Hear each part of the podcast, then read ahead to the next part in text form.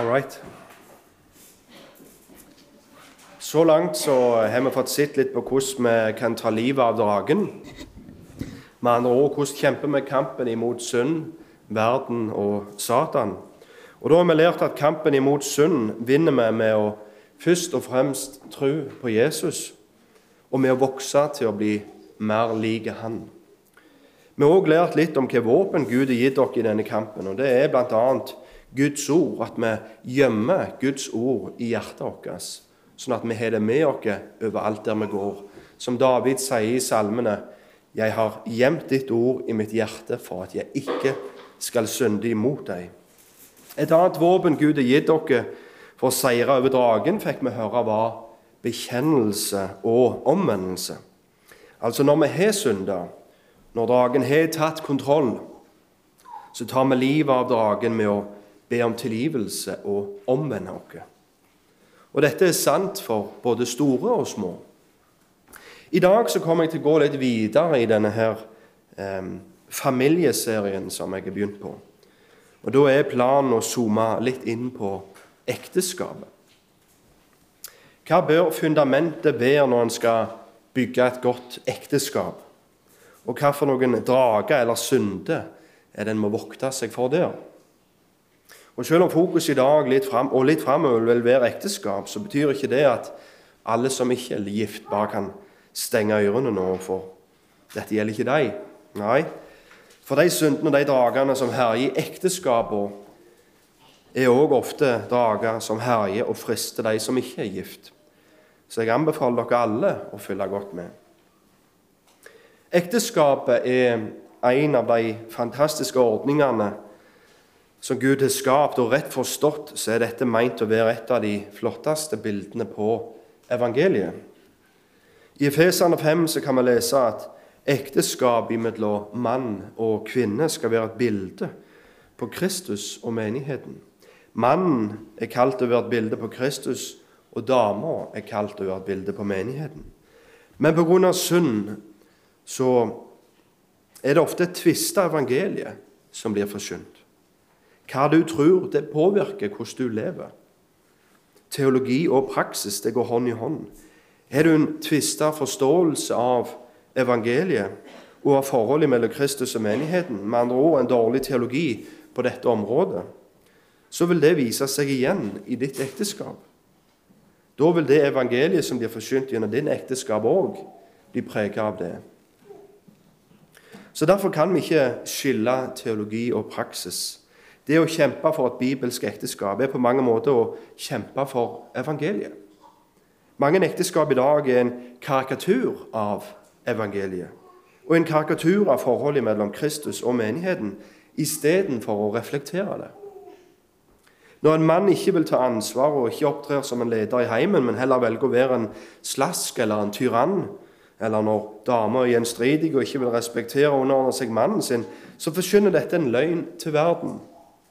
Det lyver om Jesus og hans brud, og det lyver om evangeliet. Målet med denne serien som vi skal begynne på nå, er at karikaturene av evangeliet skal bli bytta ut med et speil i ekteskapet vårt. Sånn at istedenfor at vi er noen vandrende karikaturer av forholdet mellom Kristus og menigheten, så får vi lov til å være et, et speil som reflekterer et rett bilde av hvordan det forholdet er.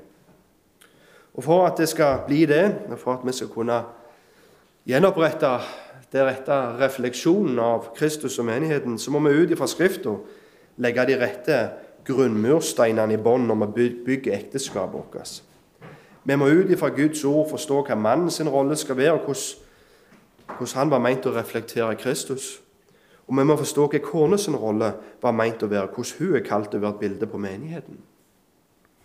Og når dette blir lagt som et fundament for ekteskapet, da har vi en urokkelig grunnmur som vi kan bygge videre på. Og I dag så vil jeg at vi skal begynne å legge en av disse her første grunnmursteinene. Og Den første plassen jeg vil ta dere med til da, det er Hebreerne 13. Hebreerne 13, vers 4-6. Hebreerne 13, vers 4-6. Og jeg gir dere litt tid til å slå opp der.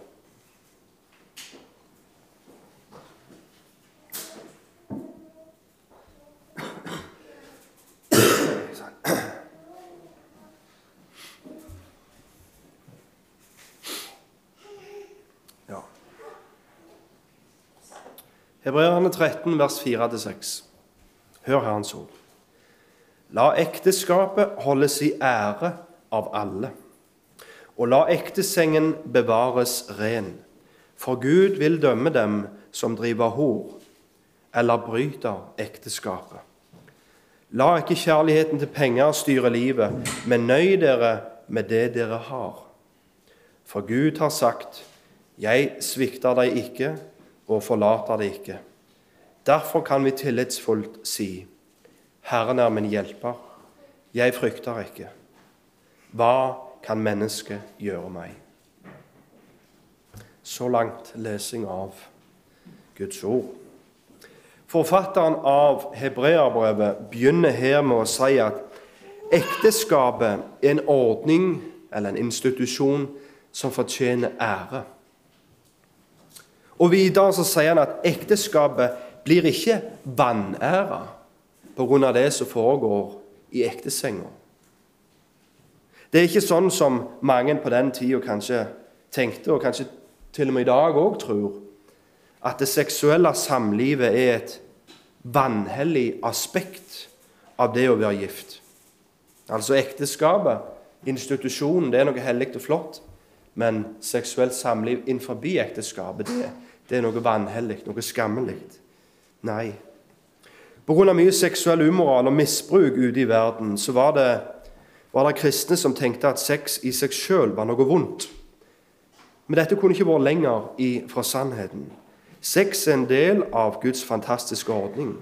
Men det betyr ikke at ektesenga ikke kan bli gjort ureine.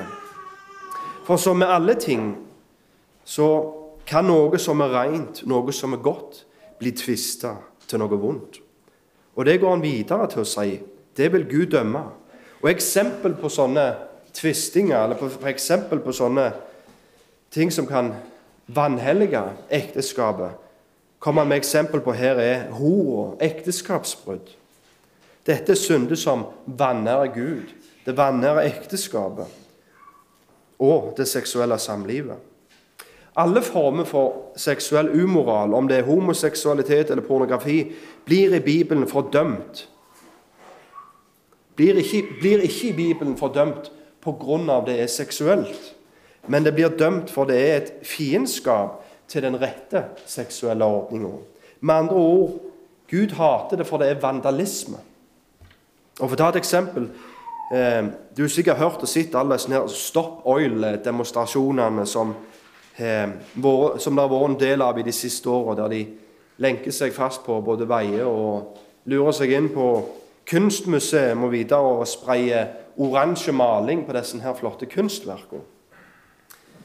Eh, de som takler disse personene og legger dem i bakken, gjør de det fordi de er motstandere av kunst.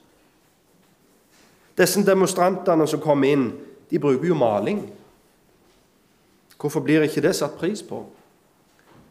Når disse til slutt blir eskortert ut, og si en av de da hadde snudd seg til vakten som holdt han i armen, og sagt du hater kunst. Hadde du virkelig elsket kunst, så hadde du latt meg fortsette. Du ville ikke stoppe meg. Og Det ville vi ledd av, for det tenker vi det er jo absurd. For Det er ikke kunst det de holder på med, det er jo vandalisme av kunst. De ødelegger kunsten med handlingene sine. Og Det samme er sant når det kommer til alle former for seksuell umoral. Bibelen sier ikke at det er galt for grunn av Gud har noe imot sex. Nei, det var han som skapte det kunstverket der. Det er galt for det vandaliserer dette kunstverket. Det er galt for det er vandalisme av den rette ordninga. Derfor vil den atferden bli møtt med Guds dom, som vi leser denne teksten. Videre så kan vi lese La ikke kjærligheten til penger styre livet, men nøy dere med det dere har. For Gud har sagt, 'Jeg svikter deg ikke, jeg forlater deg ikke'. Derfor kan vi tillitsfullt si, 'Herren er, min Herren er min hjelper, jeg frykter ikke'. Hva kan mennesket gjøre meg? Det er ikke tilfeldig at det står her. Det er ikke sånn at nå har forfatteren av hebreerbrevet gått videre til et helt nytt tema. Fra ekteskap til økonomi. Nei, Dette henger sammen, det han her sier. Det tiende budet forbyr ikke bare at du ikke skal begjære den nestes eiendom eller rikdom, men det forbyr òg at du ikke skal sant? Du skal ikke begjære den nestes hustru. Så fellesnevneren her mellom hor, ekteskapsbrudd og en kjærlighet til penger er et begjær og en lengsel etter noe du ikke har. Han legger i grunnen fram to alternativ. Du kan være tilfreds, altså nøye deg med det du har, som han sier. Eller du kan Eller unnskyld. Du kan være utilfreds, altså være konsumert av begjær etter det du ikke har, som er synd. Eller du kan velge å være tilfreds og nøye deg med det du har. Og det inkluderer òg ektefellen din. Alle aspekt av din ektefelle. For Gud har sagt 'Jeg svikter deg ikke, og jeg forlater deg ikke'. Men hvorfor begynner jeg her? Når jeg skal legge noen grunnmursteiner i ekteskapet, hvorfor leser jeg denne teksten her? Hvilken stein er det denne teksten sier må ligge til grunn for at vi skal kunne bygge urokkelige ekteskap? Jo, tilfredshet. Tilfredshet. Hvis ikke det er en tilfredshet som ligger til grunn i ditt ekteskap, så vil dere ødelegge hverandre. Du mann og du dame. Dere vil ødelegge dere hvis det ikke får ligge en tilfredshet i bunnen. Og hvorfor sier jeg det? Jo, for all undervisning og alle ekteskapsbøker og alle seminar dere får høre, vil ikke være til noe gang for dere hvis dere er utilfreds i hjertet deres. Og hvorfor ikke da? Jo, for jo mer du vet, og jo mer du får høre,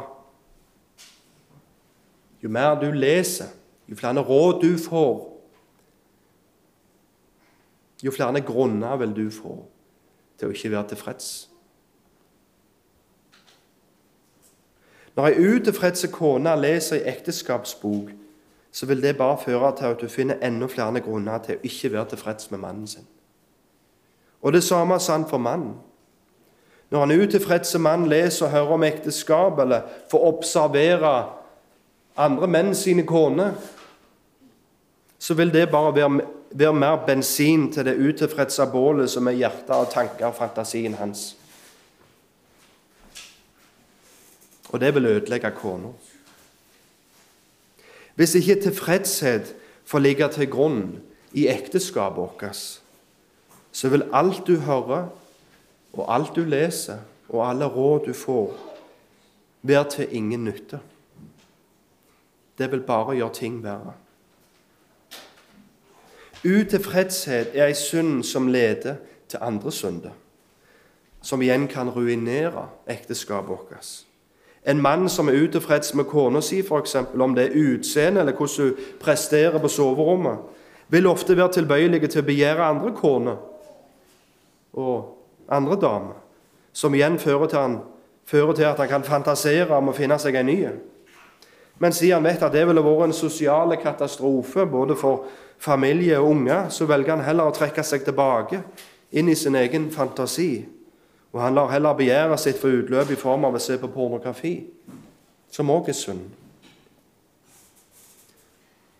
Så utilfredshet kan ofte lede til hor. Men det kan òg lede til finansiell katastrofe i heimen. Du er ikke tilfreds med huset, bilen eller den manglende garasjen, og derfor så gjør du deg sjøl til en gjeldsslave. Og hva er normale konsekvenser av høy gjeld? Jo, da blir ofte både mann og kone tvunget ut i jobb. Ungene blir sendt i barnehage og offentlig skole og til å bli dis disippelgjort av Cæsar, og da er karusellen i gang.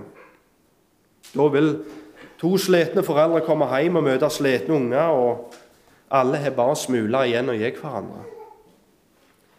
Så kan en utilfredshet i økonomien føre til konflikt i ekteskapet? Ja, absolutt. Veldig, veldig ofte så kan økonomiske utfordringer, en økonomisk utilfredshet i heimen være en årsak til katastrofen forbi. mellom mann og kvinne i ekteskap. Når du er utilfreds, så tror du en løgn, først og fremst. Og du, og du lever en løgn. Og denne løgnen vil ødelegge ditt ekteskap. Og den løgnen er hvis jeg bare får litt mer, så skal jeg bli fornøyd. Hvis dette området av livet mitt bare hadde vært litt annerledes, så hadde jeg vært tilfreds. Men igjen, det er en løgn. Når du er utilfreds, så er det ikke først og fremst omgivelsene dine der er noe galt med. Men det er hjertet ditt. Jeg sier det igjen. Når vi er utilfreds, så sier Bibelen at det ikke først og fremst omgivelsene våre det er noe galt med, men det er hjertet vårt. For uansett om du hadde fått litt mer lønn, og uansett om kona di kanskje hadde gjort det lille ekstra, så ville du snart funnet en ny grunn til å være utilfreds. Omgivelsene kan forandre seg. Kona di kan forandre seg. Men du vil fortsatt være utilfreds. For du er fortsatt hjertet med deg. Det har ikke skjedd en endring. Hvis hjertet ditt forandrer seg, hvis ikke hjertet ditt forandrer seg, så vil den utilfredsheten du har, være med deg overalt der du går. Og igjen, det vil rive ditt ekteskap i fillebiter. Jeg har sagt dette før, men jeg syns det passer å si det igjen. Det var lett å få israelittene ut fra Egypt, men det var ikke lett å få Egypten ut fra israelittene. Når de var slaver i Egypt, så løyd klageroper deres helt opp til Gud, og utilfredsheten fylte hjertet deres. Men selv om de ble fridd ut fra slaveriet, så ble utilfredsheten med dem. Og derfor fikk de ikke komme inn til det lovede land. Og det er skrevet ned til lærdom for oss. Vi kan være raske til å lure oss sjøl og tenke det, ja, ja, men jeg takker jo for maten. Ja, men ofte så har vi sånne sjekklister der vi husker å takke for den, husker å takke for det. Så lurer vi oss sjøl til å tro at vi er tilfreds. Men vi er ikke det. Vi er ikke det.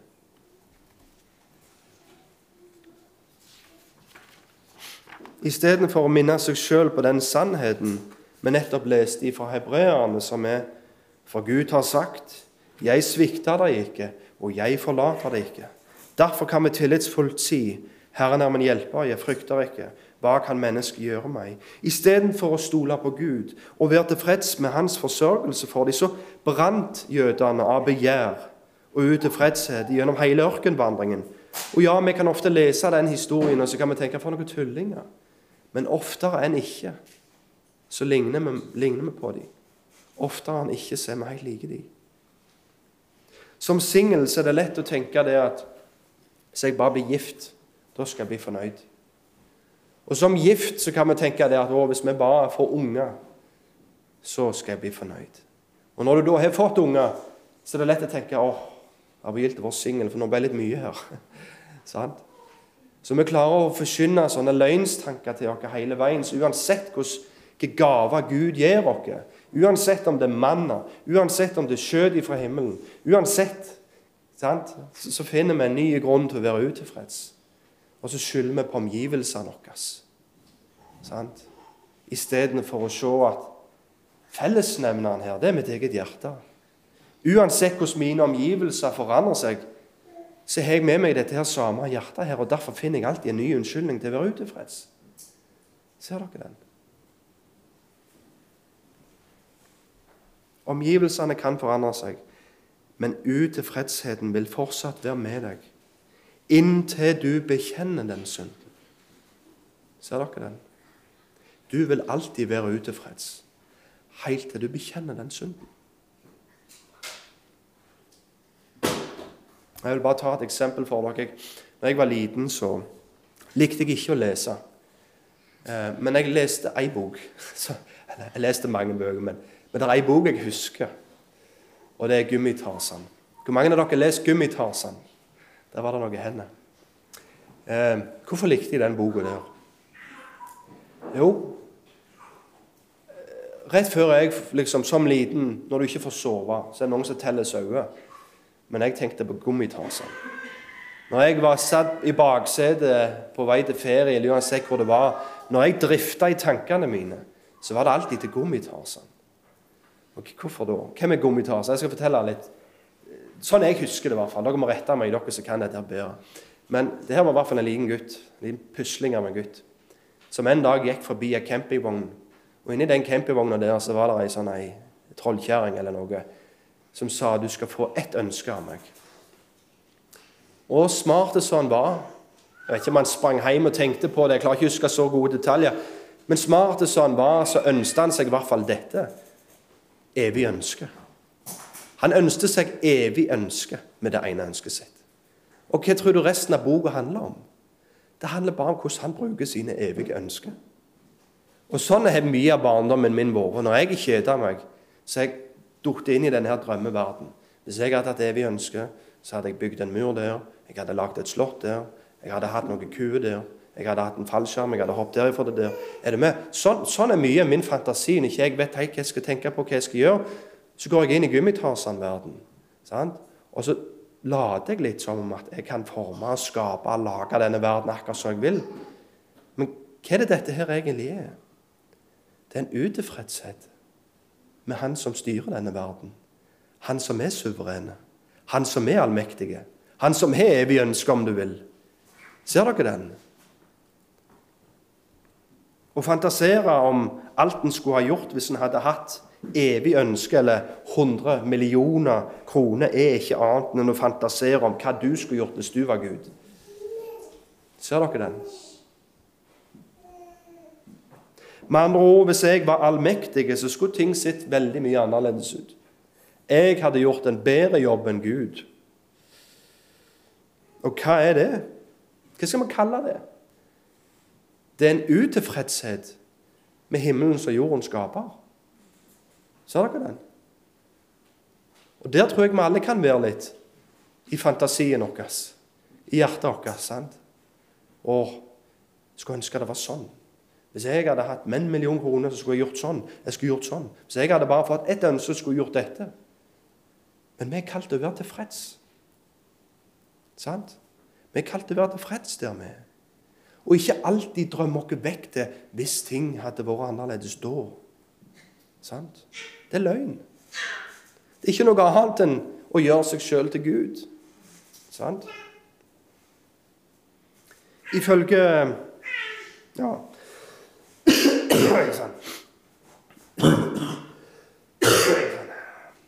Som jeg allerede har sagt, utilfredshet kommer ikke fra omgivelsene våre. Det kommer fra hjertet. Men kjøttet ditt har lyst til å lure deg til å tro at det er omgivelsene det er noe galt med, for da får den synden vokse og gro helt i fred i hjertet ditt.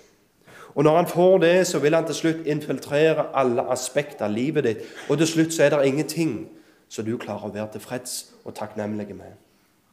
Ser dere den? Det er det kjøttet deres elsker å gjøre. Kjøttet deres elsker å peke utover. Der.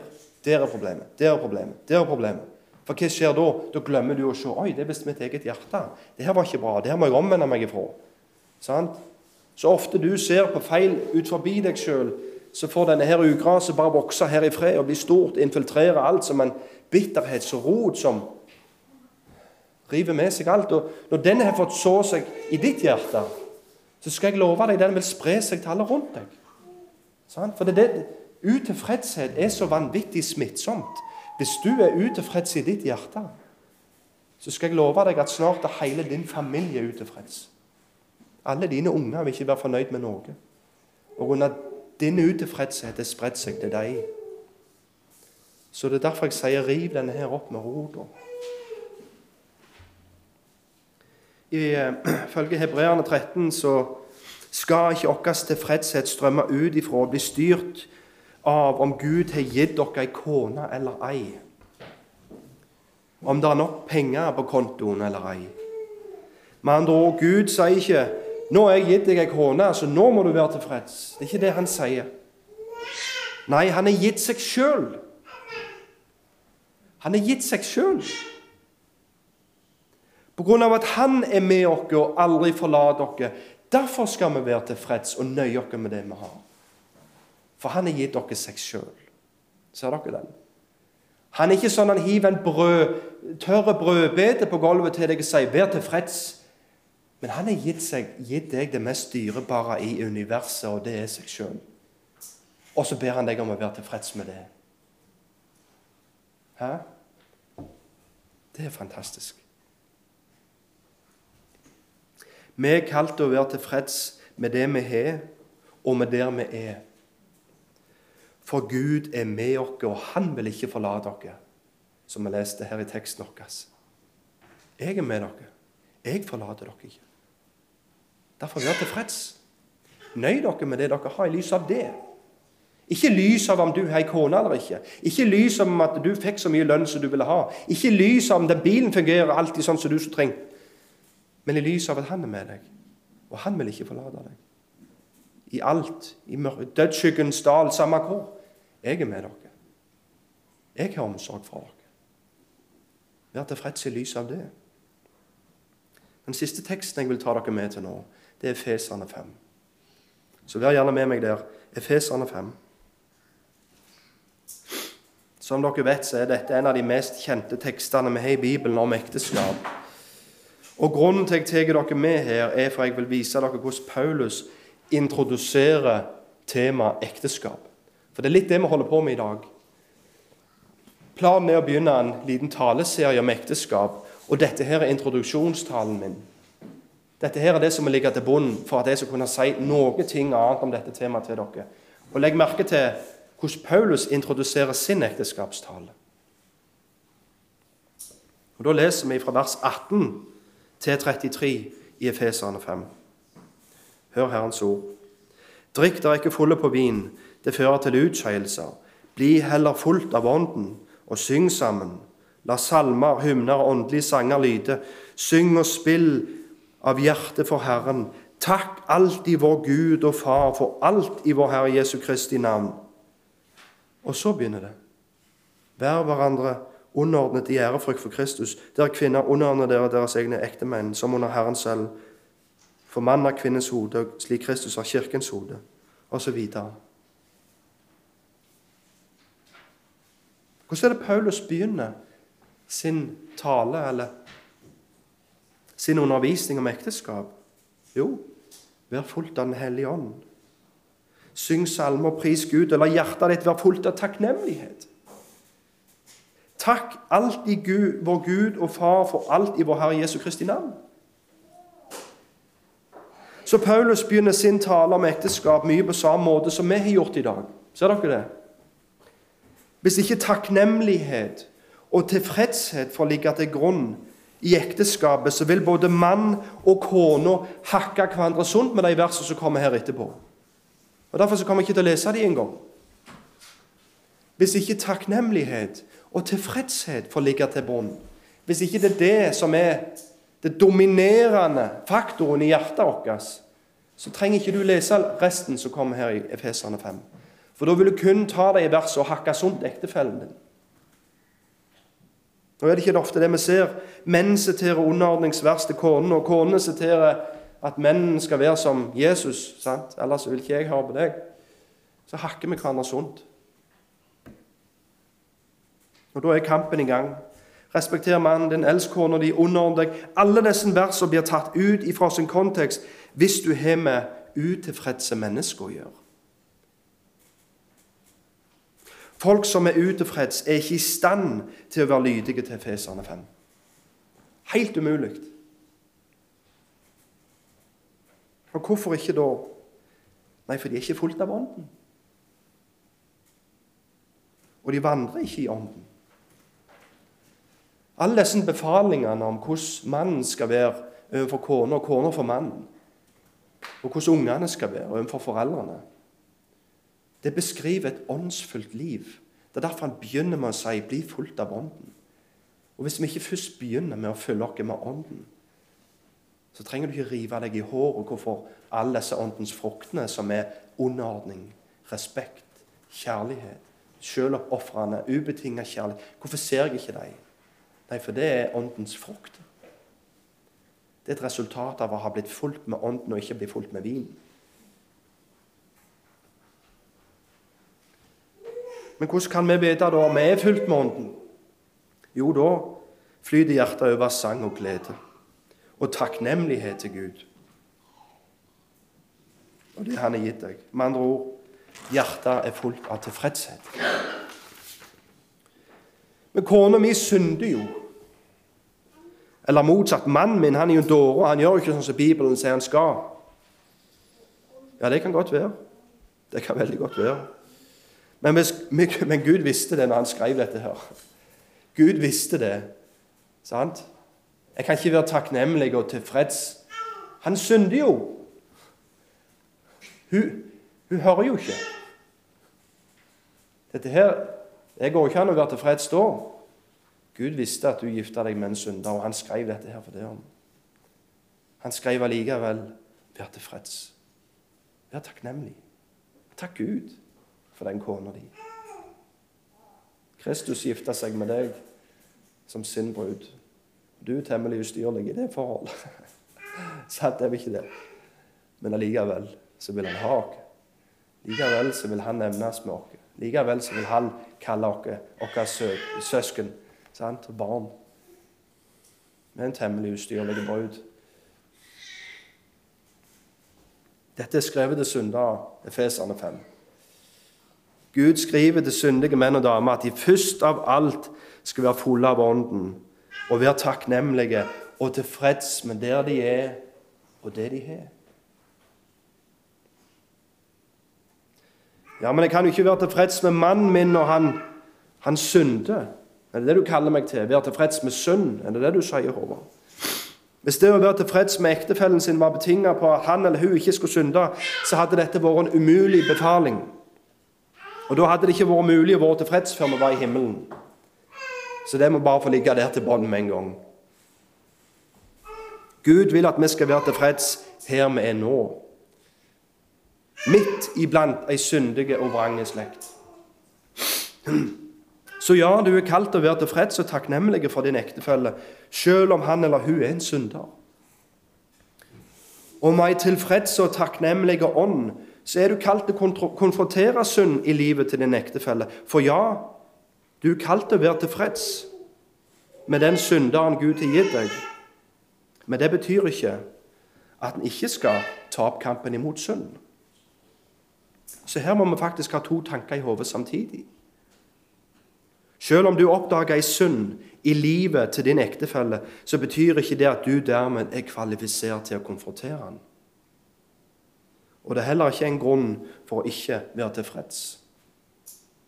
Hva mener jeg med det? Jo, Da vil jeg dere skal være med meg til Galaterne 6.1. Galaterne 6.1. Og jeg bare gir dere premisset for det jeg nå skal lese på ny. Selv om du var den som oppdagte synden i livet til din ektefelle eller i livet til dine unge, så betyr det ikke at du dermed er kvalifisert til å konfrontere ham. Og det betyr heller ikke at det er en god nok grunn til å være utilfreds.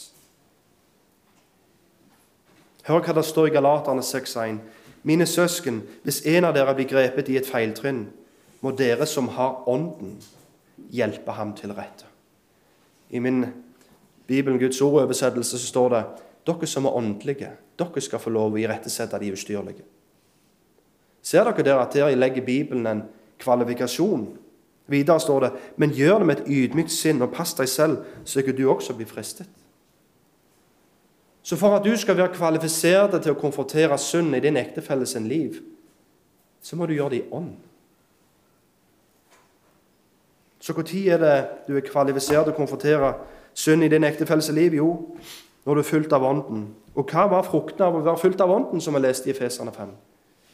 Jo, sang, glede, takknemlighet. Så hvis du konfronterer i bitterhet, frustrasjon, sinne, så er du med andre ord ikke kvalifisert.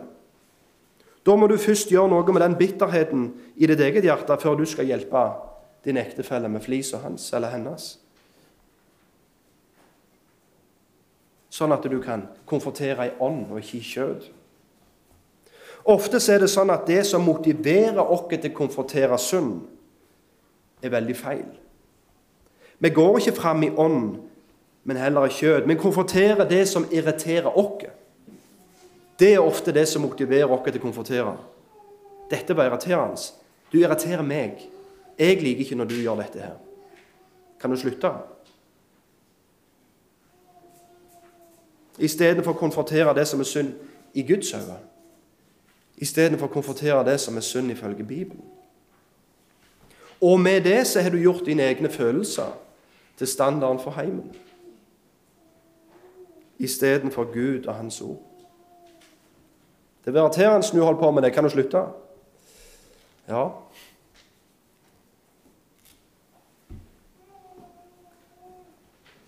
Så vær tilfreds med din ektefelle. Og hvis det er synd som må konfronteres, gjør det i ånd, ikke i kjøtet. Gjør det tilfreds, og gjør det i takknemlighet. Takk Gud for din ektefelle. Takk Gud for dine unger. Og er det synd som må konfronteres, gjør det i den ånda. Gjør det i den ånda. Hvis det er gått så langt at Nei, nå klikker jeg. Det var dråpen. Ja, da har du gått for langt. Da har du gått ifra å være i ånd over til kjød, og så konfronterer du. Men ofte, de, de gangene vi ofte er kvalifiserte til å konfrontere, er de gangene vi faktisk ikke vil. For det er ikke kommet der ennå at det irriterer oss. Og Derfor så venter vi til vi blir så kjødelige at det begynner å irritere, oss at vi nesten klikker. Da skal alle, alle i huset skal få høre det da. Ser dere den? Men ikke vent til du er kommet inn i kjød. Ikke vent til du er blitt kjødelig med å konfrontere. Gjør det i ånd. Konfronter før det er blitt irriterende. Sant? Konfronter deg før du er blitt bitter. Du, du kunne i grunnen levd med dette her ganske lenge. Ja, da er tida å konfrontere. Ikke når det er gått for langt, og når du bare kjenner at det var dråpen, nå klikker jeg. Det er ikke sånn Gud gjør med oss. Sant? Det er ikke sånn Gud gjør med oss. Han venter til Hør nå. Venter Gud til du går han så på nervene at da tar han deg? Nei. I kjærlighet, i tålmodighet, så irettesetter han noe. Og sånn er vi kalt å gjøre en for kona, kona en for mannen, og foreldre en for unger.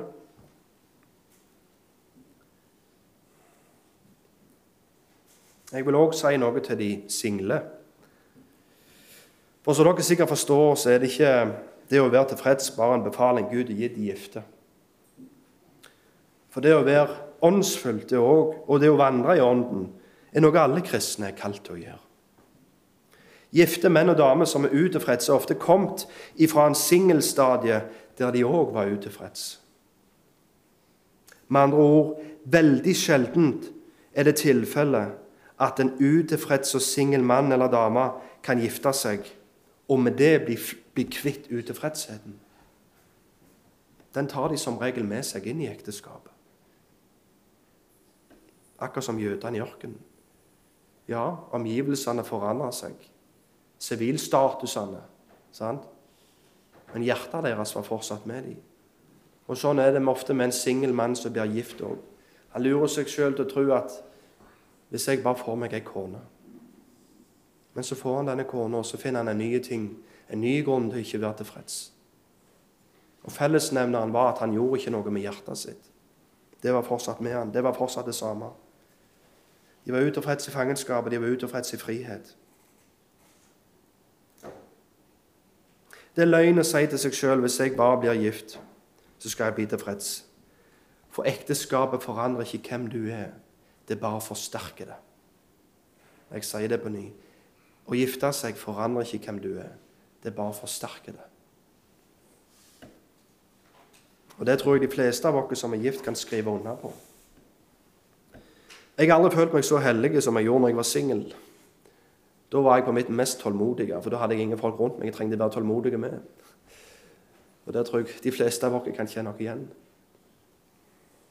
Men så gifta jeg meg, og så plutselig dukket det opp en hel haug med kjøtt. Hvor kom det ifra? Vi kan være raske med å peke og skylde på ektefellen.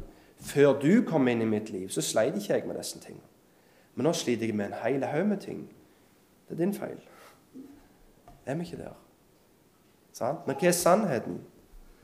Grunnen til at det kommer fullt av skjøt ut ifra deg, er samme grunnen for at det kommer ketsjup ut av ketsjupflasken når du legger press på den. Det var der hele veien. Sant? Det trengte bare at det ble lagt under press, så kom det ut det som hele veien var i deg. Og Sånn er det med oss mennesker òg. Under press så kommer, ut, så kommer, det ut det som hele veien var der. Og men hva det vi gjør Istedenfor å se på det som den gode gaven det er sant?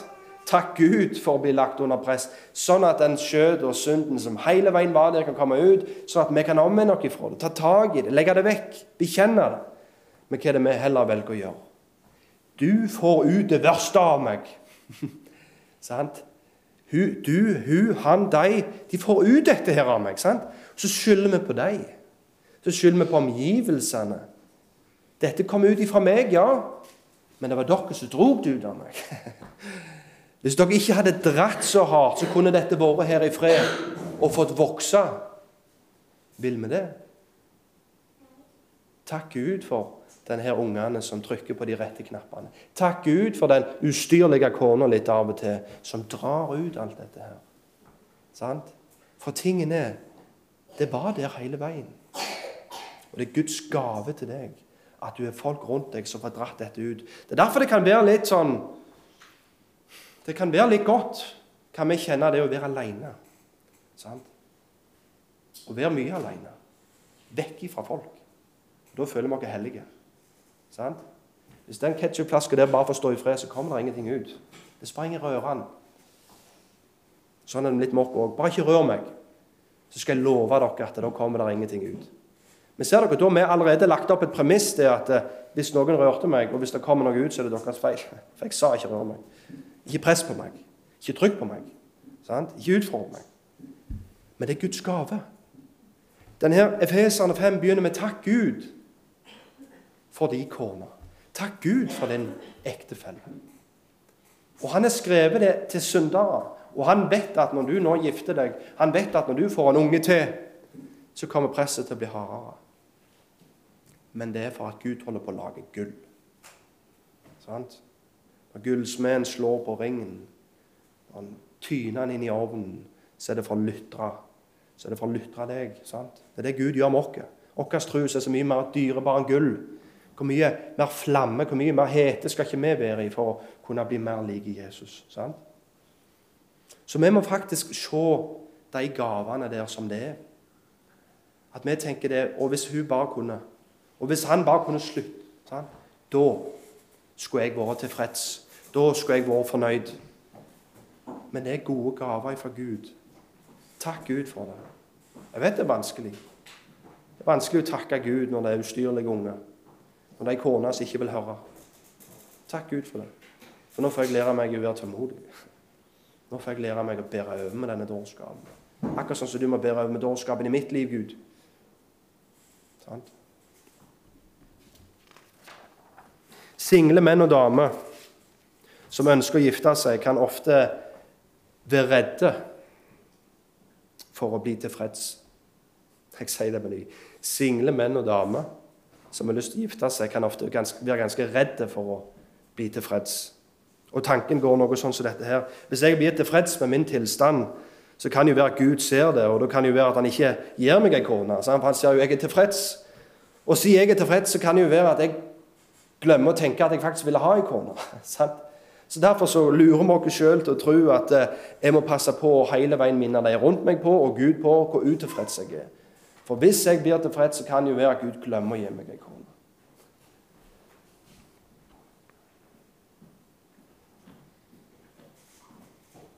Men Gud glemmer ikke deg. Gud glemmer ikke deg. Han elsker deg. Han vil ikke holde vekke sine gode gaver fra han eller hun som kommer til han og spør. Så velg å være tilfreds og stol på Gud. At han ser deg. At han svikter deg ikke, og han forlater deg ikke. Be om å være tilfreds der du er nå. Å være tilfreds betyr ikke at du skal ikke søke ly for regnet. Og Det er bare et bilde jeg bruker nå. Hvis du står ute i regnet og det øser ned, og du har muligheten til å søke ly, ja, så benytter jeg av det. Men hvis du ikke for øyeblikket har den muligheten, så er du allikevel kalt til å takke Gud og være tilfreds der du står. I livet vårt så møter vi alle sånne regnværsdager, både som singel og som gift. Og uansett om vi får muligheten til å søke ly eller ei, eller om vi er nødt til å bli stående der i regnet en stund, så er vi kalt til å takke Gud og være tilfreds. Så Paulus sier under alle omgivelser, som rik og som fattig, så har jeg lært å være fornøyd med det jeg har. Sånn? Når Gud ber oss om å være tilfreds, så ber han oss ikke om å være passive, naive og dumme. Det er ikke det han gjør. Trenger vi penger, ja, så tar vi de nødvendige grepene som trengs. Ønsker du deg ei kone, ja, så gjør det du kan for å oppsøke ei kone. Men uansett hva behovet og ønsket er, så er vi kalt til å være overgitt til Gud. Stole på Han og være tilfreds med det vi har, og der vi er. Takk, Gud, for der du er i livet. Takk, Gud, for de menneskene Gud har satt rundt deg. Takk, Gud, for kona di. Takk, Gud, for mannen din. Takk, Gud, for ungene dine. Takk, Gud, for maten og mein det denne gangen. Takk, Gud, for der du er. Og takk, Gud, for det du har. Utilfredse mennesker går det ikke an å lære noen ting. Alt de lærer, vil bare gi de nye grunner til å være utilfreds. Så for at det Bibelen har å lære oss om ekteskap, skal være til gagn for oss, så må tilfredshet ligge til grunn. Og Det var derfor jeg ville begynne denne taleserien i dag med dette temaet. Så ta med dere dette. Mediter over dette. Nøy dere med det dere har. Vær tilfreds, og takk Gud for alle ting. Amen.